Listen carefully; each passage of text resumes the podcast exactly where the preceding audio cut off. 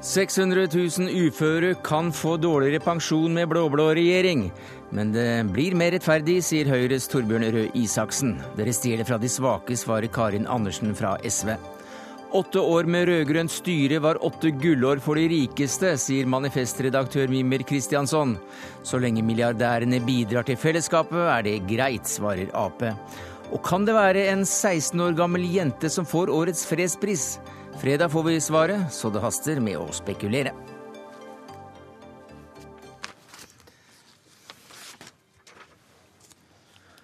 Ja, Det er noen av sakene i eh, Dagsnytt 18 denne onsdagen, eh, da det 158. ordentlige storting ble åpnet, og det er valg i Aserbajdsjan. Og der vi også skal snakke om talens makt og maktens tale. Men la oss begynne med de som får makt nå rett rundt svingen, og dagens sak om at Solberg-regjeringen vil endre pensjonsordningen for uføre, og dermed får 600 000 dårligere pensjon med, med de blå-blå. Hva i all verden er dere har funnet på nå, Torbjørn Røe Isaksen? Du er arbeids, eller var arbeidspolitisk talsmann i Høyre. Ja. Nå stortingsrepresentant. Nå stortingsrepresentant, Menig stortingsrepresentant. Ja. De, det er, for det første, la meg si hva vi ikke har funnet på. Vi har ikke funnet på det NRK skrev i dag tidlig, at vi skal kutte i uførepensjonen. Det er ikke regjeringas politikk. Eh, vi har heller ikke da sagt at vi skal kutte i pensjonsopptjeninga. Altså uføre kommer til å tjene opp pensjon på akkurat samme måte som i dag. Så det er heller ikke regjeringas politikk å kutte i det. Er det mye annet du ikke vil Ja, men det er litt viktig, særlig når da selveste statskanalen har brakt litt uh, uklar informasjon ut. Og så er det også greit å bare si at disse 600 000, det er jo ikke 600 000 nå, det er jo da uh, virkningen framover i tid. Så skal jeg si hva det er vi har foreslått. Ja. Det vi har sagt, det er at for å si det veldig forenkla vi, eh, vi, har sagt at de samme reglene for levealdersjustering skal gjelde for alle uansett. Hva betyr det? Det betyr at hvis du har to 67-åringer, og den ene har gått ut av arbeidslivet fordi hun er sliten, eh, har lyst til å pensjonere seg, orker rett og slett ikke å jobbe mer. Den andre har gått ut av arbeidslivet og blitt ufør, eller fått uføretrygd. Mm. Så er det sånn at med dagens system, noen forutsetninger her, ikke sant? alt annet likt med det, så med dagens system så vil en ufør få mer i pensjon hvert eneste år, sammenlignet med da den som ikke kan jobbe eller ikke har mulighet til å jobbe litt ekstra, eh, bare fordi hun er sliten. Nå foreslår vi at det skal være likt og like regler for de to. Ja, Er dette så veldig urettferdig å ta fra de svakeste da, Karin Andersen? Du er tidligere nestleder i arbeids- og sosialkomiteen til, TSV. Ja, det mener jeg det er. For det, hvis du er ufør, så har du ingen mulighet til å jobbe lengre og nulle ut virkningen av dette som heter levealdersjusteringa. Og det er jo hele Poenget med det nye pensjonssystemet var jo at folk skulle kunne jobbe lenger for å nulle ut virkninga. Hvis du er ufør, kan du ikke det. Og særlig mange er jo uføre hele livet og har aldri hatt sjanse til å tjene opp noe. Og dette er altså et kutt som på sikt vil bety 6 milliarder kroner mer til staten og 6 milliarder mindre til de sjukeste alderspensjonistene. Og liksom, når du ser da hva er det liksom som ligger i denne, denne regjeringsplattformen av skattelettelser og goder til de som har mye, og til de av oss som er friske, vi skal få skattelette til og med, vi som er friske og er i jobb, så syns jeg dette er en veldig usosial profil. Og jeg, jeg, er jo jeg er ikke så overraska over Høyre, for dette har de ment hele tida. Men Fremskrittspartiet, som når vi behandla dette i Stortinget, sa at levealdersjusteringa er så gæren at den bør bort for mm. alle. Og de har løpt rundt hele valgkampen og lovt i bøtter og spann mm. til alle pensjonister. Og dette er det første de Så er ikke Frp her, sånn at vi må nesten holde oss til eh, Røe Isaksen her. Ja, jeg, synes, altså, jeg, jeg, jeg har respekt for SVs standpunkt i den saken her, og de har jo i og for seg fått med Arbeiderpartiet også delvis delvis på dette her. Men der jeg er grunnleggende uenig med dem, er det er egentlig to ting. For det første så mener jeg at det vi gjør her, det er viktig også for at pensjonssystemet vårt skal være bærekraftig. Du sier Karin Andersen, at det blir 6 milliarder mindre til staten. Vi vet allerede nå at vi sender en velferdsregning videre til neste generasjon som er mange, mange ganger større enn det. Mm. Men da så, holder det unna et øyeblikk. Ja, unnskyld, unnskyld ta punkt to Men, nei, nei, for eh, du, du, sa dette at dette blir mer rettferdig, og det er det ja, vi henger oss litt opp i det var det som var det andre poenget mitt. Okay. og det er at det man, Jeg ser Karin Andersen sier til NRK i dag, noe som jeg er helt enig i, nemlig at mange er f.eks. For, for slitne. Altså Etter et langt liv i, i, arbeidslivet så er de for slitne til å kunne jobbe det ekstra som må til da for å kompensere for levealdersjusteringa, som det heter. Altså for å få full pensjon. Mm. Eh, de som er for slitne til å jobbe, men ikke uføre, de får i dag hele byrden ved innsparinga i pensjonsreformen. Jeg mener det er urimelig. Jeg mener at uh, det kan være mange forskjellige grunner til at du ikke kan stå i arbeidslivet et år ekstra. Men du behøver ikke være ufør av den grunn. Men du kan reelt sett ikke ha muligheten, f.eks. For fordi at etter 40 år i arbeidslivet så orker du ikke mer og trenger fri. Da mener jeg at det er rimelig at man likebehandler de to sakene. Mer rettferdig. Ja, Det er helt uh, riktig det, at det er noen som uh, kommer til å streve med dette nye pensjonssystemet uh, av de grunner som Røe Isaksen sier. Men da er det jo ingen grunn til å gjøre det enda verre for de som overhodet ikke har noen mulighet til å stå i arbeidslivet. Og husk på det, at det er veldig mange som har vært uføre veldig lenge, har hatt dårlig råd veldig lenge, dårlig helse veldig lenge. Og nå skal de også da få en, eh, virkningen av en, et trygdesystem som er tilpassa de aller friskeste. Så vi har lagd et trygdesystem som er et problem. Og er, jeg er nødt, til å få si dette også. Det er altså Andelen på uføretrygd i dette landet har gått ned de siste åra. Det er færre på uføretrygd nå enn det det var før. Og hvis vi skal gjøre noe med at det kanskje er for mange på uføretrygd, så handler det om bedre oppfølging på helse, det handler om bedre uh, skolering, og det handler om et arbeidsliv som kan ta imot ja, folk. det er ikke, akkurat den debatten Nei, vi, vi, har, men du har fått lov å si det. Men, Karin Andersen, et kort svar på det, så er vi ferdig med det. Jeg, jeg er uenig, for at hvis du slår sammen alle de som er på forskjellige ordninger, uføretrygd, arbeidsavklaringspenger, så ser man at tallet er stabilt. Og det er veldig mange som er utafor arbeidslivet i Norge. For mange. Og så er vi enige om noen av løsningene. Altså Løsningene for, for, for å få folk tilbake er bl.a. det handler om rehabilitering, mm. få folk ut av helsekø, det handler om utdanning, og det handler ikke minst om en tiltakssektor Liv Arum, du er generalsekretær for Funksjonshemmedes Fellesorganisasjon, som representerer mange av de som blir berørt her. Eh, dere ønsker ikke en levealdersjustering for uføre. Hvorfor ikke? Fordi dette handler om eh, inntektsgrunnlaget for uførepensjonister. Og eh, blant mine så er det mange som lever som uførepensjonister hele livet. Det er altså 40 000 mennesker under 50 år som er 100% uføre. Og det er en gruppe mennesker som ikke har mulighet til å forbedre sitt inntektsgrunnlag for å få en høyere pensjon.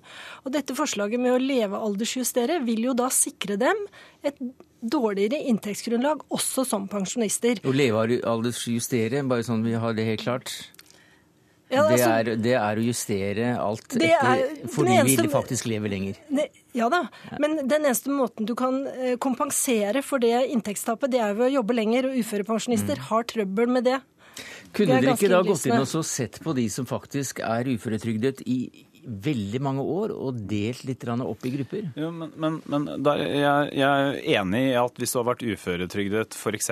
fra 18-årsalderen, altså er det noen som er født med tilstander som gjør at det er he helt usannsynlig at de skal komme tilbake til arbeid, i hvert fall urimelig av oss som samfunnet krever det, så, så skal du sikres da, skal du sikres en god uh, uførepensjon gjennom livet, og du skal ha en god også pensjonsopptjening. Og pensjonsopptjeninga for uføre, jeg vil ikke si at den er veldig raus, men den er heller ikke veldig dårlig dårlig. Så den er en rimelig pensjonsopptjening.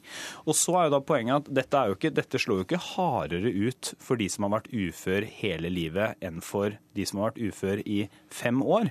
Poenget her er jo at det blir de samme reglene for folk som ikke har mulighet til å jobbe litt ekstra. Mm. Og det jeg synes er, jeg, jeg, er helt, altså det er klart Ideelt sett så kunne vi bare brukt så mye vi ønsket på pensjon, men det jeg syns er problematisk med dagens ordning, det er at man har sagt at en som er sliten, de som vi i sin tid oppretta avtalefestet pensjon for, som vi kalte sliterne i arbeidslivet, mm. som ikke har reell mulighet til å stå lenger, de syns man det er greit at tar hele byrden med pensjonsreformen, mens man da ikke syns at uføre skal ha det. Da sier vi at det er bedre med en likebehandling. Det er også mer rimelig og rettferdig. Eh, det er faktisk sånn at eh, de som har vært eh, uføre i fem år, har et helt annet pensjonsopptjeningsgrunnlag enn de som er uførepensjonister gjennom hele livet. Ja, og det er ikke sånn at uh, man gir denne gruppen uh, mennesker frihet til å velge sin egen økonomiske karriere. Du er på en måte stuck i det systemet. og Derfor så opplever jeg det som ekstremt urettferdig å si at man skal leve, aldersjustere uh, alderspensjonen når man kommer så langt. Jeg, jeg, er jo ikke uenig i det. Jeg er ikke enig i det. Jeg syns jo det er nettopp et rimelig prinsipp. Og så syns jeg også det er viktig å tenke over at eh, hele pensjonsreformen som vi nå er i ferd med å fase inn, er helt avgjørende også for at vi skal sikre velferden i Norge på lengre sikt. Og da syns jeg det er jeg synes det er rart at man, eh, at man Eller jeg, jeg, forstår argumentene deres, men jeg syns det er rart at man, man syns det er helt greit at en som er sliten, ikke kan jobbe mer, like lite har mulighet til å reelt sett kompensere for levealdersjustering, for å bruke det begrepet begrepet. Det er greit at de tar byrden, men så skal man ikke da ha en likebehandling av uføre.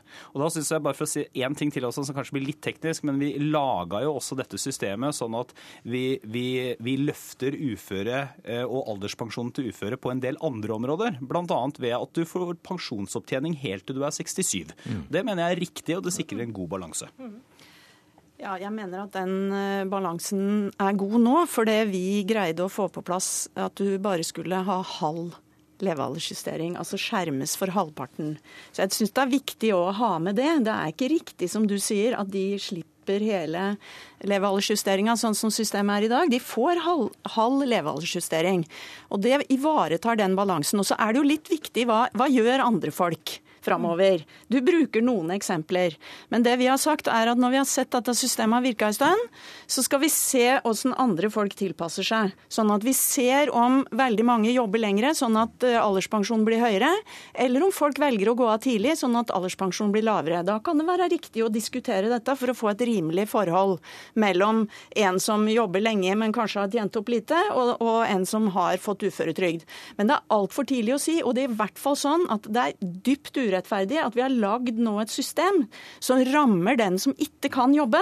Mm. Fordi systemet belønner den som er frisk og har en jobb som det går an å stå i til det er kanskje både 70 og 75. Men, men jeg, jeg syns det er mer urimelig, og jeg syns også det er en større trussel for velferden i Norge hvis vi lager systemer som, som ikke i tilstrekkelig grad gjør at de som jobber, også får økonomiske oppmuntringer til det. Jo, men det og så er vi enige om, ikke sant? Jo, men bare, bare så det er sagt, altså, er det, i bunnen her ligger jo Jeg må nesten bare stille spørsmål. Er det det det dreier seg om? Er det der rettferdighetstanken altså, går for Høyre? Dette handler om et fordelingsspørsmål. Det må ikke være det må ikke være slik at, at de som jobber og er slitere, at det er de som får hele byrden? Ja, det, det er, jeg mener at det er rettferdighetsargumentet for det. Og så mener jeg at det finnes gode argumenter i et generasjonssolidaritetsperspektiv altså at vi må tenke på neste generasjon. at Derfor, derfor så må pensjonsreformen den må gjelde for alle. Eh, også da for de som er uføre. Og så mener jeg at det er et siste argument også, og det dreier seg om presset på ordningene våre. 40% av de som i dag går over til alderspensjon, mm. de er uføre. Og det er klart at uh, for en del, og det, altså bare for å si det, jeg mener absolutt ikke å antyde at folk som går over på en uførepensjon ikke er syke eller ikke fortjener det eller noe sånt. Men det er klart at folk i 60-åra som har jobba lenge, mange har da plager og vondter. Mm. Og for en del så kan det nok være sånn at, eh, at Spørsmålet er ja, skal jeg nå liksom eh, gå ut av arbeidslivet og ta pensjon, eller skal jeg mm. forsøke å ta en uførepensjon? Mm. Og Hvis det da er sånn at du, kan, du taper penger på å gå ut på vanlig pensjon sammenligna med å gå over på uførepensjon resten av, livet, altså resten av pensjonslivet ditt, så er det et problem. Man kan, man kan altså ikke velge uførepensjon. Det er en sterkt behovsprøvd ordning, og dette er et fordelingsspørsmål. Skal vi betale velferden med skatt? For de som trenger det, eller skal vi nå velge å gi mer penger til de og la de få beholde penga sjøl, de som er rike, og sikre de som er sjuke, en skikkelig alderspensjon? Det er det det handler om, om vi er villige til den solidariteten. Dette, er like Men, mye et spørsmål om generasjonssolidaritet ja, også. Og, og generasjonssolidaritet, det, kan vi, det kan vi snakke om en annen gang. Men Torbjørn Isaksen, du hadde to mot deg i dag, Karin Andersen og Liv Are, men vi klikket deg inn på akkurat dobbelt taletid, så takk skal dere ha alle sammen.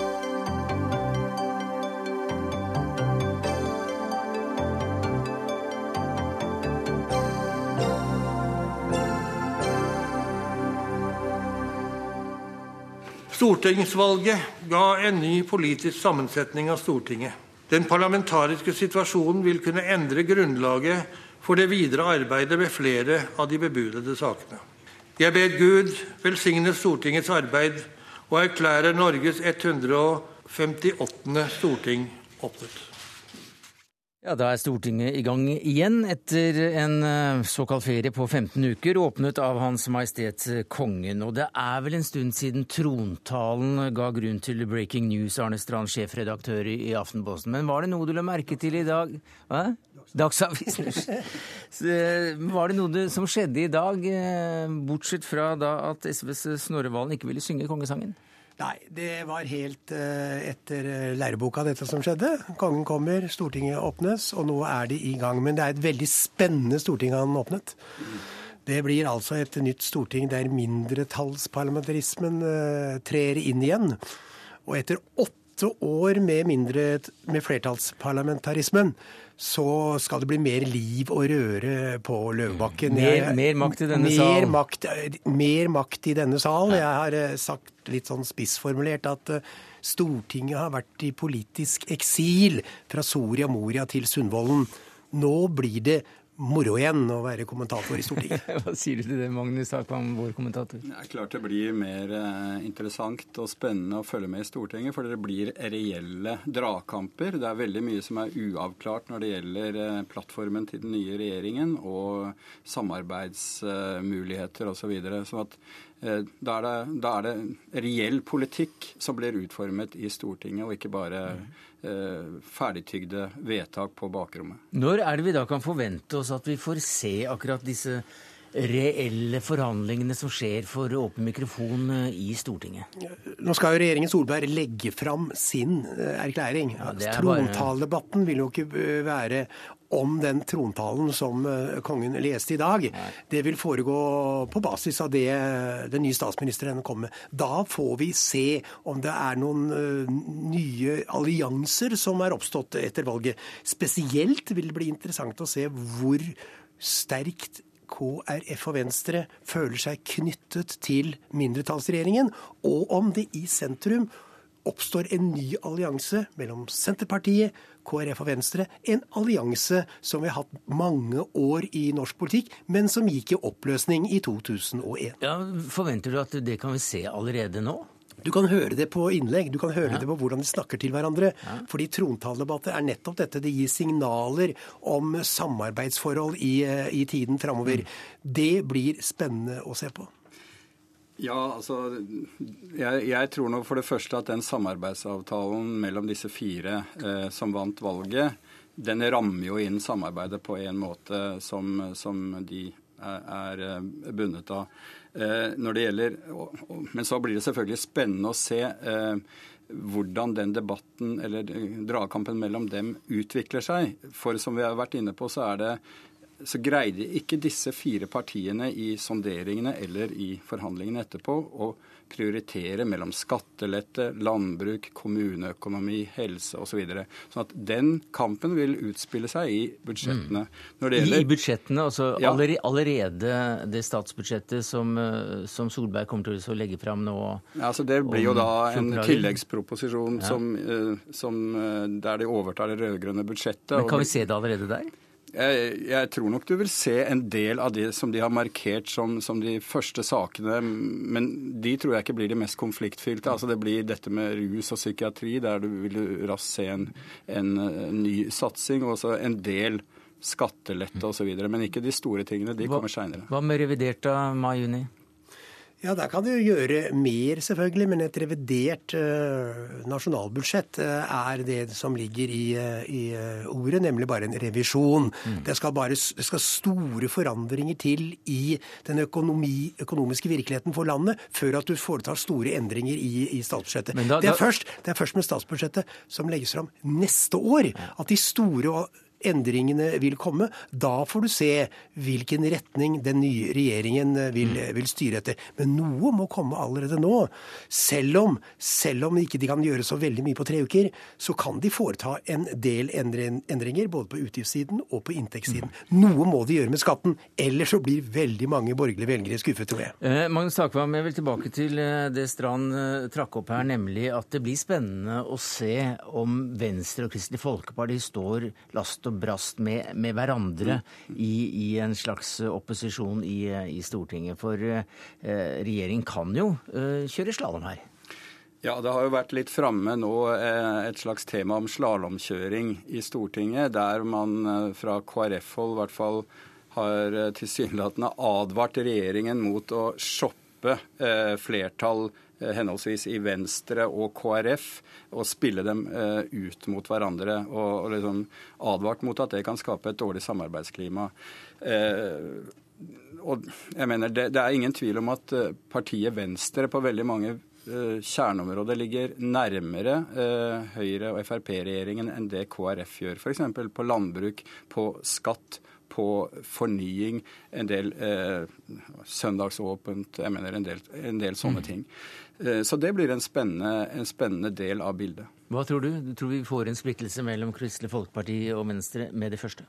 Nei, jeg tror ikke det. Jeg tror at KrF og Venstre vil gjøre alt de kan for å holde sammen. For hvis de ikke holder sammen, så vil de bli tatt hver for seg.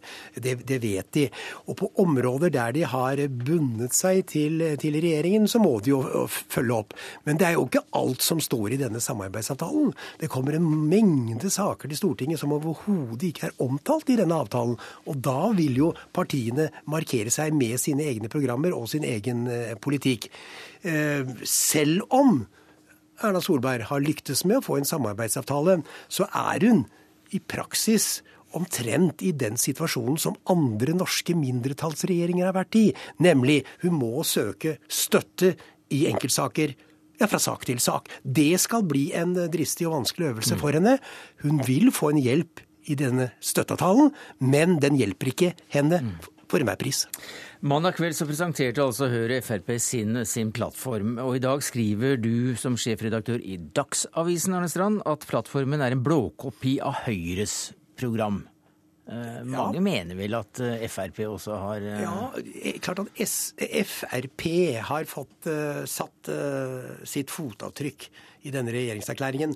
Og det gjelder særlig når det, gjelder, når det kommer til veibygging. Mm. Der lukter det asfalt lang vei, og det, nok, det skal nok Frp få, få ansvaret for. Men hvis du legger regjeringserklæringen sammen med partienes programmer, og husker hva partiene vedtok og sa på sine landsmøter, så ligger denne regjeringserklæringen veldig nærme Høyrets eh, program og Høyrets eh, politikk. Det er det ingen tvil om. Jeg husker, jeg husker Siv Jensen på Fremskrittspartiets landsmøte. Jeg tror hun sa ti ganger at den norske samfunnsmodellen står i veien for fornuftige politiske løsninger. Mm. Denne regjeringen tar den norske samfunnsmodellen videre. Den justerer den. Kursen legges mot høyre. Men det er ikke noen forkasting av den norske samfunnsmodell, som hun la opp til på sitt landsmøte. Mm. Altså, det, Den regjeringsplattformen og sonderingsavtalen er et klassisk kompromiss. Og det er ingen overraskelse at det er eh, det største partiet, og det partiet som i praksis ligger i midten mellom sentrumspartiene på den ene siden og Frp på den andre siden, som tilsynelatende har fått mest gjennomslag. Og det er, er, har jo nettopp hele veien vært det grunnleggende premisset for at det i hele tatt skulle få til en borgerlig samling nettopp dette styrkeforholdet, mm. særlig mellom Høyre og Frp. Hadde Frp f.eks. fått 20% Høyre 22% så hadde det antagelig blitt eh, krav om et gjennomslag for Frp som mm. ville liksom skvise et sentrumsparti. Så det største seieren for Frp så langt, det er faktisk å være med i regjering? Ja, det er det strateget. Det er det historiske mm. ved eh, etter dette valget. Og også det, det, som blir mest spennende å følge. Men, men, det går an å mene at det er overraskende at Fremskrittspartiet har fått så mange nederlag i denne regjeringserklæringen. Mm. Altså, de tapte Lofoten. De gjorde det sammen med, eh, sammen med Høyre. De har tapt handlingsregelen, som de har vært imot fra første stund i 2001. De har mm. godkjent klima klimaforliket, det er godkjent pensjonsforliket. Og så har de slukt altså mm. hele denne setningen om at uh, våre mål, politiske mål skal ses i forhold til det økonomiske handlingsrommet. Den setningen kunne vært skrevet av Jens Stoltenberg. Og aldri iallfall av en Carl I. Hagen, men det har de gått med på. Sånn er, det, sånn er det å gå fra å være et systemkritisk, eh, populistisk parti til å bli et regjeringsparti. Og det, det tror jeg de fleste mm. så på forhånd. Takk skal du ha, Arne Strand, sjefredaktør i Dagsavisen, Magnus Takvam, politisk kommentator i NRK.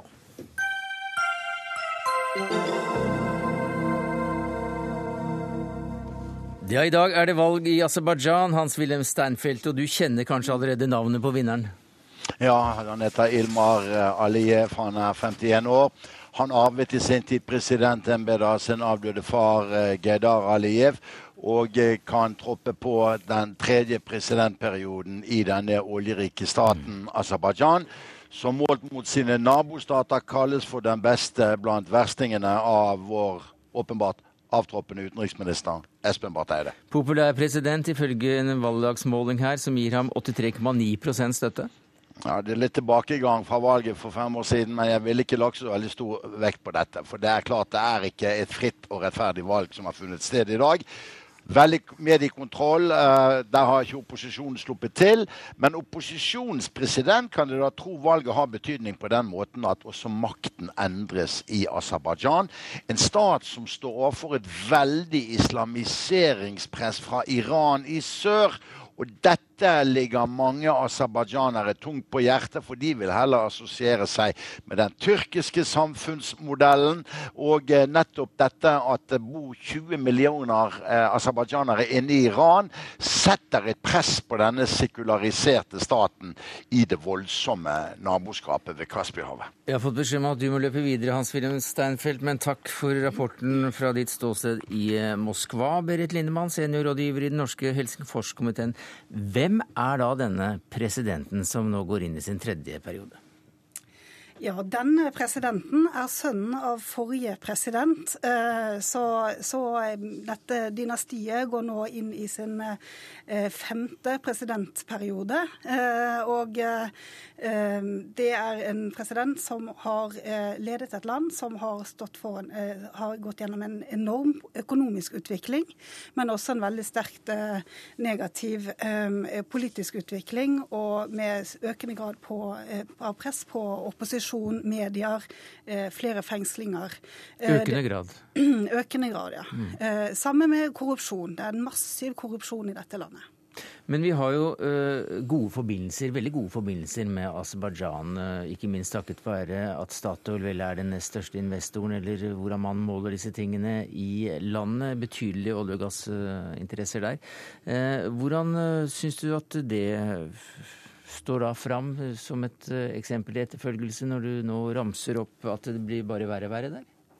Um, verken jeg eller Helseforskomiteen er imot uh, økonomisk kontakt og samarbeid. Det, det er en, en, en, faktor som kan bidra til positiv utvikling. Uh, men det må jo selvfølgelig også følges av um, uh, at man er realistisk på situasjonen, og at man ikke demper fortjent kritikk. Nei, For, eh, for 10-15 år siden så var jo akkurat det et spørsmål at Statoil virkelig etablerte seg der. Og, eh, og, og, da ble det sagt at det ville ha en gunstig effekt på, på, på regimet og på utviklingen. Eh, du ser kanskje ikke den store forskjellen? Eh, nei, altså ikke når det gjelder styresett. Eh, det hadde ikke hatt noen effekt i det hele tatt. Eh, altså, eh, korrupsjon? Eh, korrupsjon heller ikke. Men, men, det er klart at det har eh, altså, For eksempel så har Aserbajdsjan etablert et oljefond etter modell av Norge. det kan kanskje være en av de positive effektene som, som dette har hatt. men, men korrupsjonen er jo gjennomgripende likevel. Hva slags oljeland er dette, Heidi Kjerne? Du er forsker på NUPI. Det er et eh, land hvor 84% av olje og, av, av, den totale eksporten eh, kommer fra olje- og gassektoren. Eh, og det står i seg selv for ca. halvparten av bruttonasjonalproduktet. Eh, og det vi ser med tanke på, på valget i dag, er jo at olje- og gassinntekter av den størrelsesorden er eh, velkjent i forskningen eh, at det har en negativ effekt på styresett. Det som, som, gjør dette, er at man ser at regimene får penger til å drive med undertrykking, en såkalt undertrykkingseffekt. Man har også det man kaller en rentenisteffekt. Altså at de politiske regimene ikke er like avhengig av å skattlegge sin befolkning. Det, når man ikke har skatt, har man heller ikke det båndet som skapes av eh, skatten mellom befolkningen og det politiske regimet. Eh, men, men regimet sitter på disse enorme olje- og gassinntektene eh, som de kan bruke til å da kjøpe opp viktig støtte. Og også skaffe velferd til befolkningen. Ja, nei, altså, Jeg er helt uh, enig i disse tingene. og Det er jo akkurat uh, dette vi ser. Altså Kjøp av støtte både inne i landet og kanskje også utenfor landet. Uh, det er jo ingen tvil om at nettopp disse store økonomiske interessene som også europeiske land har i Aserbajdsjan, gir den, den, politiske ledelsen eh, noe å tilby som, som, de vil ha. ikke sant? Og, og Norge er med? Det er Norge med på. Det, altså, det er klart at Norge kjøpes? Må du veie dine ord eh, ja, ja, eh, Nei, men altså, jeg vil jo ikke si at Norge kjøpes, men Kjøper seg internasjonal støtte, sa du, og Norge eh, er en nær samarbeidspartner. Ja, altså jo, altså det blir jo det som blir effekten, men Norge kjøper jo ikke eh, Altså Norge er jo ikke kjøpt og betalt av myndighetene, og det er klart at det har jo kommet kritikk fra Norge, men som regel så er det eh, litt blast, fordi at det er i sammenheng med eh, Organisasjonen for sikkerhet og samarbeid i Europa, EU osv. Vi står ikke fram som som eh, selvstendige forkjempere av menneskerettigheter i Aserbajdsjan. Men for 113 eh, år siden, også ved forrige århundreskifte, så var vel Aserbajdsjan sto for halvparten av verdens øh, oljeproduksjon. Og vi leste vel om det i, i et eventyrland eller to av, av Hamsun etc. etc. Og så stort er det ikke. Men hvor store, hvor store er forekomstene, og ikke minst da i Kaspiahavet nå? Eh, det er viktige forekomster for eh, verdensmarkedet av olje. Eh, det som vi ser nå, er at gassen blir enda viktigere fra Aserbajdsjan i årene som kommer. Det som kanskje er negativt for, for regimet sett fra deres ståsted, er jo at slike inntekter som de har, det, det størrelses den størrelsesorden som de inntektene har i dag, vil ikke vare lenge. Aspartan har en relativt kort eh, produksjonshorisont. Eh, som gjør at eh, man kan forvente at eh, inntektene vil stagnere og etter hvert også falle.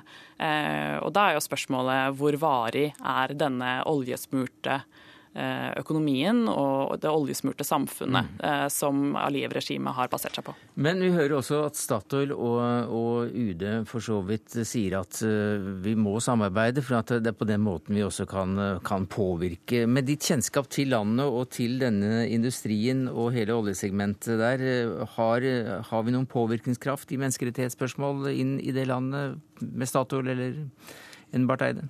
Altså, det er ikke tradisjon i Norge for å drive eh, politikk gjennom eh, det statlige oljeselskapet vårt, Statoil. Eh, og Det har ligget fast under den rød-grønne regjeringen. Det har ikke vært noe aktiv eh, bruk av eh, Statoil politisk på denne måten. Eh, og det kommer det heller ikke til å bli med den nye regjeringen. Verken UD eller Statoil stiller i Dagsnytt 18 i dag, men utenriksministeren skriver i en e-post i redaksjonen at Norge ved en rekke anledninger har gitt uttrykk for at det er grunn til bekymring når det gjelder situasjonen for menneskerettigheter og demokrati i Aserbajdsjan, også direkte med aserbajdsjanske myndigheter. Så er det opplest, om ikke vedtatt. Takk skal du ha, Berit Lindemann og Heidi Kjernet.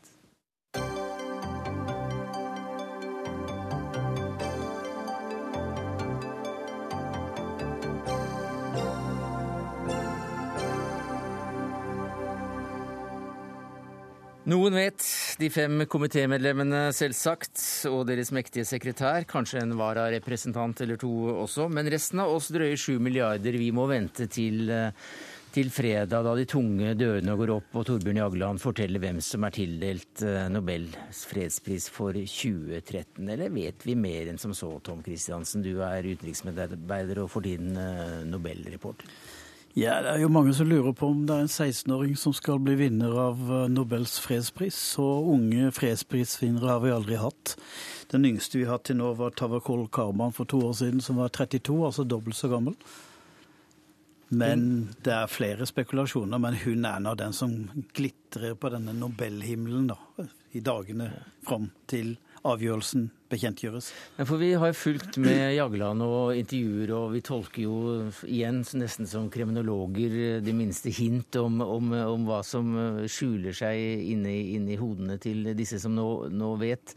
Er, har han gitt noen tegn i år på I år er de helt uten kroppsspråk, kan jeg fortelle deg. Etter at NRK i fjor fortalte at det var EU dagen før.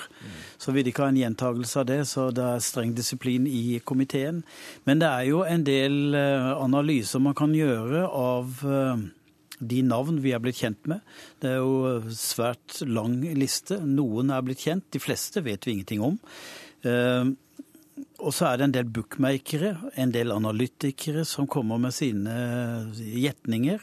Og så får vi gå litt rundt og se hvem er det som er blitt utredet av eh, forskjellige internasjonale størrelser. Hvem er det som kan tenkes det siste året gjort en innsats for freden. Og hva er fred? Det er jo også en stor diskusjon.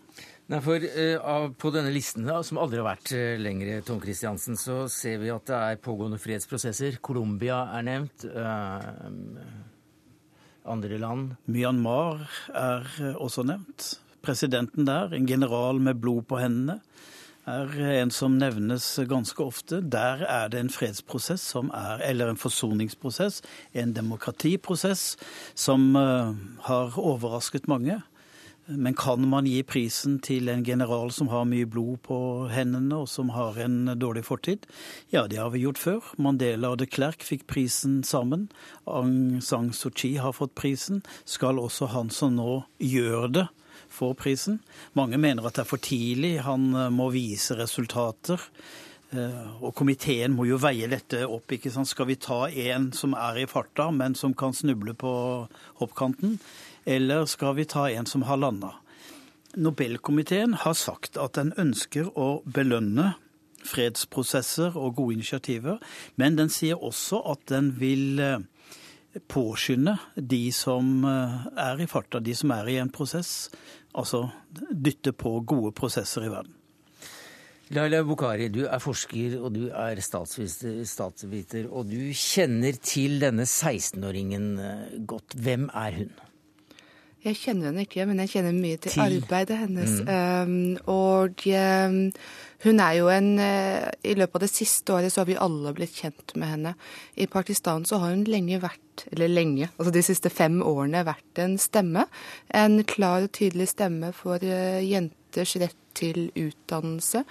Og ikke minst kampen mot Eh, terrorisme eller ekstremisme fra da en av disse mest tradisjonelle konservative dalene i, i Pakistan, eh, hvor Taliban kom inn og stengte skoler, brente opp skoler, og hun ble en tydelig stemme i dette.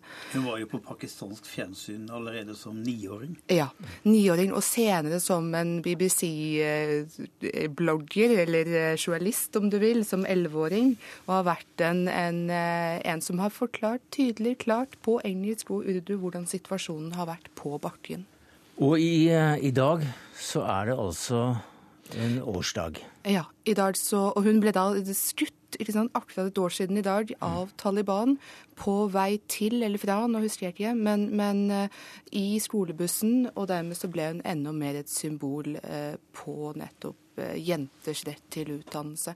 Og hun har jo nå i løpet av det siste året hevet løftet på en måte den lokale kampen som hun slåss, til å bli en global kamp for rett, jenters rett til utdannelse globalt. Og vi vet jo det er millionervis av jenter som ikke har muligheten, den retten mm. som vi tar for gitt, å gå og få den utdannelsen man ønsker. Og nå er hun også da faktisk eh, leder dette eh, heatet som man mener eh, nå strever seg fram mot å bli den ypperste ypperste, nemlig fredsprisvinner 2013. Malala Yousafzai, som vi, som vi da snakker om, hva vil en fredspris bidra med eller gjøre med en 16-åring som står midt i den situasjonen hun gjør, som allerede er skutt, for å si det sånn? Ja. Hun er jo allerede offer for saken på mange måter. Altså hun, har, eh, hun var jo lenge på sykehus og ble sendt til utlandet for å få den beste eh, helse Eller gjennomgå den beste, de beste operasjoner. Um, hun har allerede vært i, i eh, rampelyset det siste året, har mottatt masse priser. Bak henne står et kjempeapparat. en, en ambisiøs far på hennes vegne, men også et kjempemedia apparat. Og ja, som 16-åring, hun er ung. Hun er eh, fra en, eh, en liten konservativ dal. Eh, hun Jeg vet ikke hvordan hun har det, men det er en tøff og modig jente selvfølgelig som står Men hva slags effekt kan en pris få på et? For, for henne personlig, altså det vil jo være først og fremst et kjempeløft for Sartin. Eh, for, for, hele Sartin og Pakistan og og retten til utdannelse, men også kampen mot terrorisme. Det å vise at én liten jente kan føre til å få til å sette det på agendaen. Men det er jo problematisk sant, at en 16-åring så ung eh, eventuelt vil motta en sånn pris. Det kan jo bli mye farligere å være Malala om hun får Nobels fredspris. For da vil hun være en sikker skyteskive fra Taliban. Men en interessant ting er at hennes kandidatur og også generelle oppmerksomhet i verden får jo eh, hele kampen mot terrorisme til å få et nytt preg. Altså kampen mot eh, barn. Eh, terrorisme mot barn. Og jeg ser jo allerede nå at ironiske bloggere i Pakistan skriver på Twitter-meldinger Karer, nå må dere ta dere sammen. Skyt ei skolejente. Og der har du Malala. Takk skal du ha, Tom Kristiansen, utenriksreporter, utenriksmedarbeider og for tiden eh, Nobelreporter. Takk til deg, Laila Bokhari, forsker og statsviter.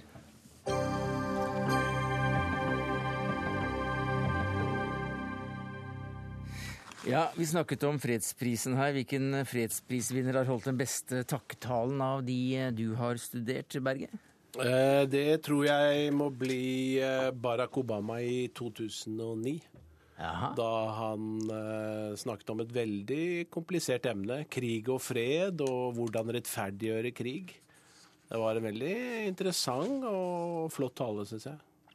Du har skrevet uh, taler i deler av, ditt, uh, lange, i deler av din yrkeskarriere. Um, hva skal til før du begeistres både med hode og hjerte av en, av en god tale? Nei, Jeg tror det viktigste av alt er at man må ha noe på hjertet. Det må være et brennende engasjement, og så må det være altså, i en situasjon hvor det budskapet er helt perfekt. Eh, når de to tingene klaffer, da tror jeg du kan få en, en veldig viktig tale. Talens makt, maktens taler, det heter denne boka du har skrevet. Det vil si de fleste sidene her, de er jo ikke signert deg, da, men uh, alt fra Hitler til, til Hambro, Stoltenberg til, til Stalin. Hva slags bok er dette blitt? Nei, for meg har det vært viktig å, å, skrive en bok som også trekker fram de store norske talerne. Uh, ja, du begynner med Wergeland? Ja, jeg begynner med Wergeland. Jeg begynner med 17. mai-talen over alle 17. mai-taler, som jeg kaller den. Og, og, går videre til Bjørnson, som var en fantastisk folketaler. Eh, og så videre til eh, Johan Sverdrup, som var stortingspresident i mange, mange år, men også en glitrende taler, og var vel den første, tror jeg, noensinne i Norge som fikk sine taler utgitt i bokform. Mm -hmm. og så videre med Martin Tranmæl, med Fridtjof Nansen, og du nevnte allerede Hambro, som var også en fantastisk taler. Og ikke minst den talen han holdt i 1938, etter at Neville Chamberlain, den britiske statsministeren, har vært og forhandlet med Hitler og Mussolini, og sto og viftet med sitt lille papir 'Peace in our time'.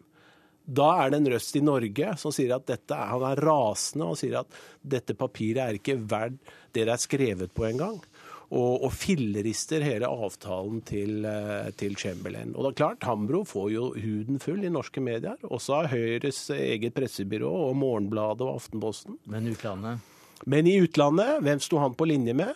Jo, han sto helt på linje med Winston Churchill, mm. som også kom med de samme advarslene da. Du refererer også til VGs debattredaktør da hun skrev sitat 'Trodde aldri jeg skulle få gåsehud av en tale holdt av Torbjørn Jagland, men nå har det altså skjedd'. Og, og det var altså eh, da, da fjorårets eh, fredspris eh, ble delt ut. Nå er du stabssjef du for Torbjørn Jagland i Europarådet, og du blir omtalt som, som generalen som sto bak den kampanjen som fikk han inn som sjef for Europarådet. Skrev du den talen? Nei, det gjorde jeg ikke. Og, og Torbjørn Jagland er selv en veldig dyktig taleskriver. Og, og, men slik jeg har skjønt at systemet er eh, når det gjelder nobeltalene, så baserer han seg ofte også på innspill fra Geir Lundestad, faktuelle ting. Og så er det da lederen i Nobelkomiteen, eh, Torbjørn Jagland, som må skrive ferdig talen og gjøre den til sin egen. Men det er mye om taleskriverne her også. For det, for det de gjør, det er i denne boka du, du, setter jo tingene i en sam historisk sammenheng. Du forteller om personene, hvordan det var bak det som, det som kommer til uttrykk. Og ikke minst, du skriver også om taleskriverne. Hvem er de? Ja, nei, det er også det, Jeg mener, vi, vi, alle gjør krav på å vite hvem som smurte skiene til Marit Bjørgen. ja. Men, snakk, snakk, for deg selv. Ja, ja, men det er i hvert fall det er i media, og det er mange som er opptatt av det. Men hvem, hvem skrev uh, egentlig talen til uh, statsminister Stoltenberg 22.07.? Det vet vi lite om. Vi nei, vi, det, vi vet lite om slike ting. Okay. Så jeg synes at det er, og jeg synes det er ganske viktig også, og det har vært veldig interessant også å komme litt bak kulissene. Eh, jeg prøver å trekke fram som, som sagt, eh, de beste talene eh, som har vært holdt her i Norge og også internasjonalt. Og da er det veldig interessant også å komme litt inn bak kulissene. Hvordan ble den talen til? Ja, Er det vanskelig å få vite hvem som egentlig skrev det er jo helst noe man egentlig ikke snakker så høyt om. Det har i hvert fall vært sånn. Men vi vet noe. Vi vet om Jonas Gahr Støre, som har skrevet et forord her. Ja, vi vet det. Vi vet om flere Hvem er det som har skrevet talene hans? Eh, det er Øyvind Stokke, som hadde et fantastisk samarbeid med Jonas Gahr Støre når han var utenriksminister. Og Øyvind Stokke sier jo sånn at eh, det var liksom ikke nok å komme inn i hjernen på Støre. Han måtte også inn i hjertet. Det er et sitat jeg bruker av Støre. Nei, av, av, av Øyvind Stokke. Og når det kommer til taleskriverens rolle, så er jo den Jeg tror enhver politiker er egentlig veldig avhengig av, av denne personen. Og, og, bakgrunnen for det er jo det at politikeren har rett og slett ikke tid til å skrive 300 taler i løpet av et år. Og, og, og trenger da en dyktig person som kan da sette ned ting på papiret på en måte som han eller hun ville gjort det selv. Men må, må vedkommende taleskriver være enig? Nei. Det, dette, er, dette er en profesjon? Dette er en profesjon, og i Norge har vi jo egentlig ingen tradisjon for politisk utnevnte taleskrivere. Det er eh, embetsmenn og -kvinner som eh, må justere kursen avhengig av hvem som er eh, ministeren. Hvis du går ut og ser eh, på utlandet, hvilket, eh, hvilken parhester kan du nevne som hadde et symbiotisk godt forhold? Mm. Da vil jeg nevne spesielt Ted Sørensen, som var taleskriver til president John F. Kennedy. Uh, han kom jo virkelig inn under huden på, på Kennedy og, og, ble en veldig sentral rådgiver også for Kennedy under, under, hans tid som president. Og de jobbet jo tett sammen i hele elleve år. Og bakgrunnen for at Ted Sørensen kunne komme så tett inn på Kennedy, var jo at de reiste tre og et halvt år sammen rundt om i USA, uh, på kryss og tvers. og Eh, han lærte presidenten virkelig godt å kjenne, eh, og, og, var i stand til å formulere ting, sa man, bedre enn presidenten selv. Altså presidentens tanker var han i stand til å formulere bedre enn presidenten selv. Er et sitat som er, er, er sagt om, om, Ted Stearns. Men i dag, Berge, så er du litt bekymret for talens framtid. Ja, hva, kan... hva, hva i tiden er det som gjør deg bekymret? Eh, jeg vil si eh, slik eh, Du kan si um, formen på talen i dag. Er, vi hører jo ikke lenger taler i radio eller, eller, i fjernsyn. Det er slutt på det. Det er ikke god radio, det er ikke godt fjernsyn. Og det har ført til at du har fått en helt annen form for kommunikasjon, som går gjennom debattprogrammer, og det er ikke noe galt i det, sånn som man har her. Og, og og uh, ulike samtaler uh, uh, og slike ting. Og det gjør at språkbruken blir helt annerledes. Altså Språkbruken blir veldig hverdagslig. Den blir veldig sånn samtaleorientert, sånn som vi sitter nå. Og, og, ja, men folk holder jo tale fremdeles? Ja, de holder tale fremdeles i mange ulike sammenhenger. Ja. Er de, er de, talene påvirket av tidens tann? Nei, men det som skjer er at det har blitt en veldig sånn hverdagsliggjøring av hele retorikken. Altså, du kan nesten ikke skille hvis du, hvis du, ikke vet hvem som holder talen, så kan du nesten ikke skille de fra hverandre. De er mange norske politikere. Erna, Erna Solberg og Jens Stoltenberg, hvis ja. du hadde tatt bort det rent eh, helt klare politiske ja. substansen der, hadde du Nei, jeg tror ikke, jeg tror ikke skille de ad. Og jeg, jeg, kaller dette her, eh, altså den, den, tiden vi lever i, og, og særlig perioden da etter krigen, eh, for Gerhardsen-epoken. For Gerhardsen var jo nettopp en sånn mann som brukte enkle ord og setninger. Uh, var tydelig uh, og uten vesentlige retoriske virkemidler. Og, og, og han satte malen. Og slik er det i dag også. Og slik er det med norsk politikk i dag. Men Hva skal, da, da, hva skal ja. da til for, uh, for, at vi skal få en virkelig god tale i dag, da? Ja, det er det. Og da, da, savner jeg noen ganger dette lille ekstra. at man skiller seg litt ut fra, fra malen, og, og, og slik som alle andre gjør det. Og Et nylig eksempel, det er et lite eksempel. Vi hadde jo nå på mandag kveld i Vandrehallen for ja, er det ti dager siden nå, de fire partilederne. Eh, og de skulle fortelle oss nå hva slags regjering vi skulle få. Og, eh, og de, uh, de, var relativt klare. Og, og, men det var én av disse som jeg syns skilte seg ut mm. på ett punkt. Og det var uh, Trine Skei Grande. Ja. Og hvorfor sier jeg det? Jo, fordi hun brukte uh, to ord, uh, to begreper, som hun hengte hele sin presentasjon på. Og det var gjennomslag, og det var armslag. Ja. Det var gjennomslag når det gjelder Venstre, at de skulle få gjennomslag for sin politikk i regjeringen. Og det var armslag altså Venstres rolle i Stortinget. De skulle ha armslag nok, armslag nok til å profilere sin politikk. Og de to ordene Husket du? er de eneste jeg husker. med hånden eh, på hjertet, fra denne ordrett fra denne pressekonferansen. Og det er det jeg snakker om, dette lille ekstra. Så jeg tror faktisk i dag så er mulighetene store, eller man bør heller tilstrebe og forsøke å, å, å legge inn noe mer retorikk i talene, mm. og ikke ligge på denne her eh, det er, en, eh, det er en lærebok også. For at du, du kommer med en 20-30-40 tips i bitte små kapitler om eh, å flate ut eh, etter kuren, kyss kjæresten, hva nå det betyr. By på deg selv, utstyr må være i orden. og Jeg vet ikke hva du, hva du tar opp i talens makt og maktens tale, men du slo i hvert fall fast at åpningsordene 'jeg er ingen taler', det er ingen veldig god start. Nei. Og det hører vi kanskje litt for ofte, at dette kom brått på. Dessverre, jeg er ingen taler. Men det er slike ting man aldri skal gjøre, egentlig. Og det er en kokebok i hvordan å skrive taler helt til slutten her, som egentlig gjelder i alle mulige taler i alle mulige sammenhenger. Takk skal du ha, Bjørn Magnus Berge, forfatteren av boka 'Talens makt maktens taler'.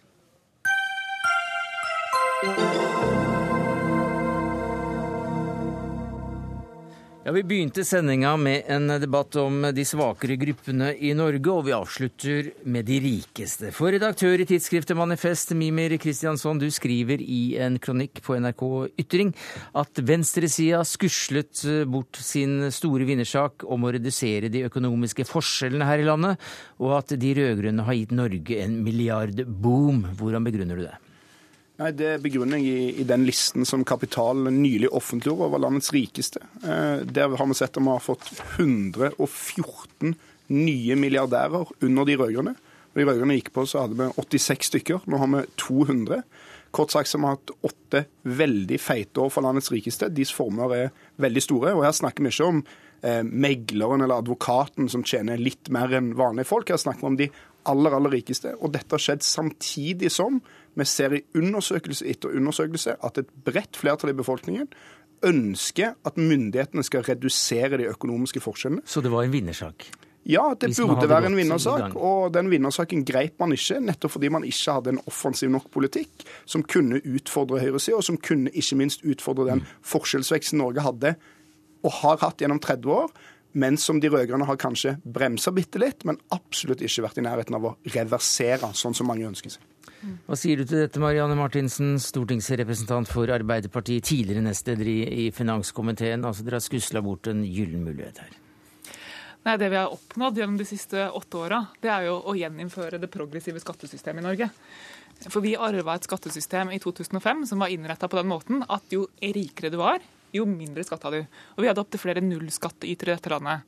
Og så skal ikke jeg gå liksom inn på alle de tekniske grepene som er gjort, men vi hadde en skattereform i 2006 hvor man bl.a. fjerna aksjerabatten, 80 %-regelen. Mm. Altså man fjerna masse av disse smutthullene som gjorde at det var mulig å unngå beskatning som ordentlig, ordentlig rik i Norge. Og det hjalp vel? Uh... Det er for Inntektsforskjellene har gått ned siden 2006 i Norge. Og det er et formidabelt resultat når du ser på hva, hvordan utviklinga er i nesten alle land rundt oss, hvor det går motsatt vei. Først og alt så er det jo bare som å si at jeg jeg tror ikke det er sånn at en blå-blå regjering vil være noe bedre for ulikheten i Norge enn de rød-grønne har vært. Sånn at Det er klart at det kunne sikkert vært verre. Man kunne sikkert hatt 250 milliardærer nå.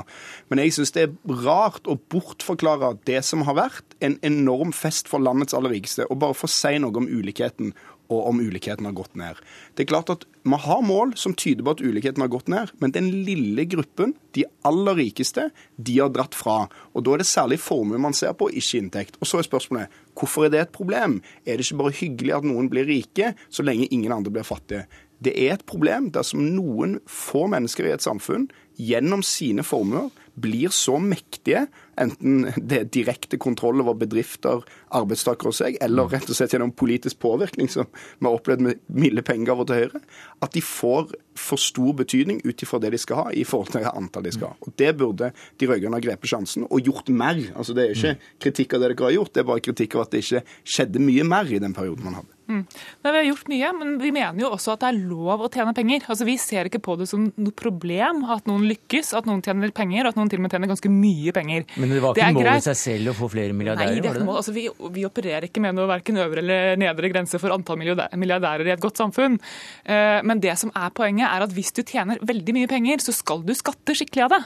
Det er det eneste kravet vi stiller, at man skal, skal betale tilbake til det samfunnet som har gjort det mulig å lykkes. Og det har vi da gjennom disse endringene i skattesystemet Eh, faktisk, eh, faktisk godt fått til. Så 114 milliardærer, det er helt OK så lenge de betaler tilbake til fellesskapet. Er ikke det en grei logikk, da? Nei, for det første så betaler disse altfor lite til fellesskapet. Eh, vi har en formuesskatt i Norge den er på 1,1% Mange av de sånn som Kjelling Røkke, og dette er et sjokkerende faktum, så det tillater meg å ta litt sakte. Kjelling Røkke har angivelig ikke tjent en krone ifølge Norges skattemyndigheter siden 2006.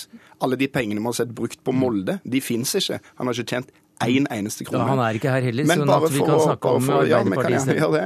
Eh, og det som jeg mener var problemet, det man skusla bort, det var at man ikke gikk offensivt til verks med nye ideer til skatter for de rikeste, men i stedet forsvarte den ene vi hadde. Og så vil jeg bare si en ting.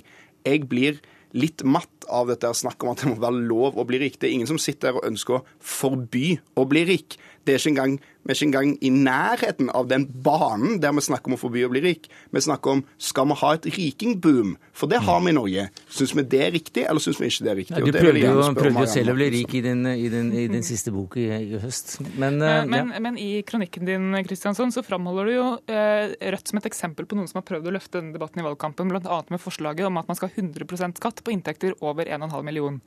Og vi, vi, vi, anerkjenner faktisk at det fins en slags balanse mellom det å ha et skattesystem som utjevner, eh, og et skattesystem som er tilpassa det at folk faktisk skal stimuleres til å drive med næringsvirksomhet i dette landet.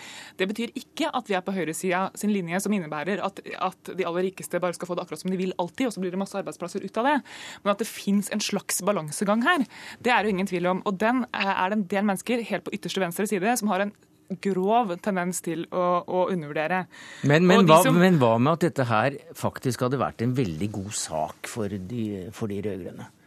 Altså, nå var det et parti da, som prøvde seg på rikingsafari og på forslag om, om 100 eh, skatt på alle inntekter over 1,5 million, og de endte opp med null mandater eh, i Stortinget.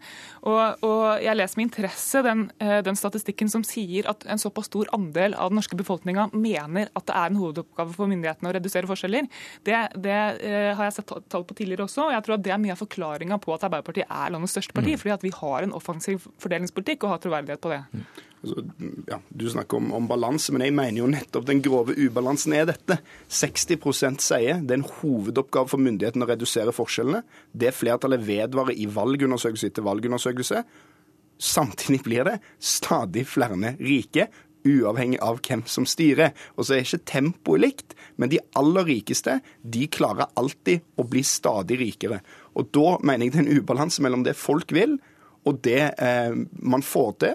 Og det syns jeg at venstresida burde gå offensivt til verks. Nå har man jo en ny sjanse om fire år. Hvilke skatter kan man innføre for, for mm. denne gruppen? Det er klart det er vanskelig, det er mye som må gjøres, men, hvilke skatter kan man legge på? Det spørsmålet det tror jeg vi skal komme tilbake til, for det er lenge til neste stortingsvalg. Men takk skal dere ha, Marianne Martinsen, stortingsrepresentant for Arbeiderpartiet, og Mimir Kristiansson, redaktør i Manifest Tidsskrift og forfatter av boka 'Slik blir du superrik'.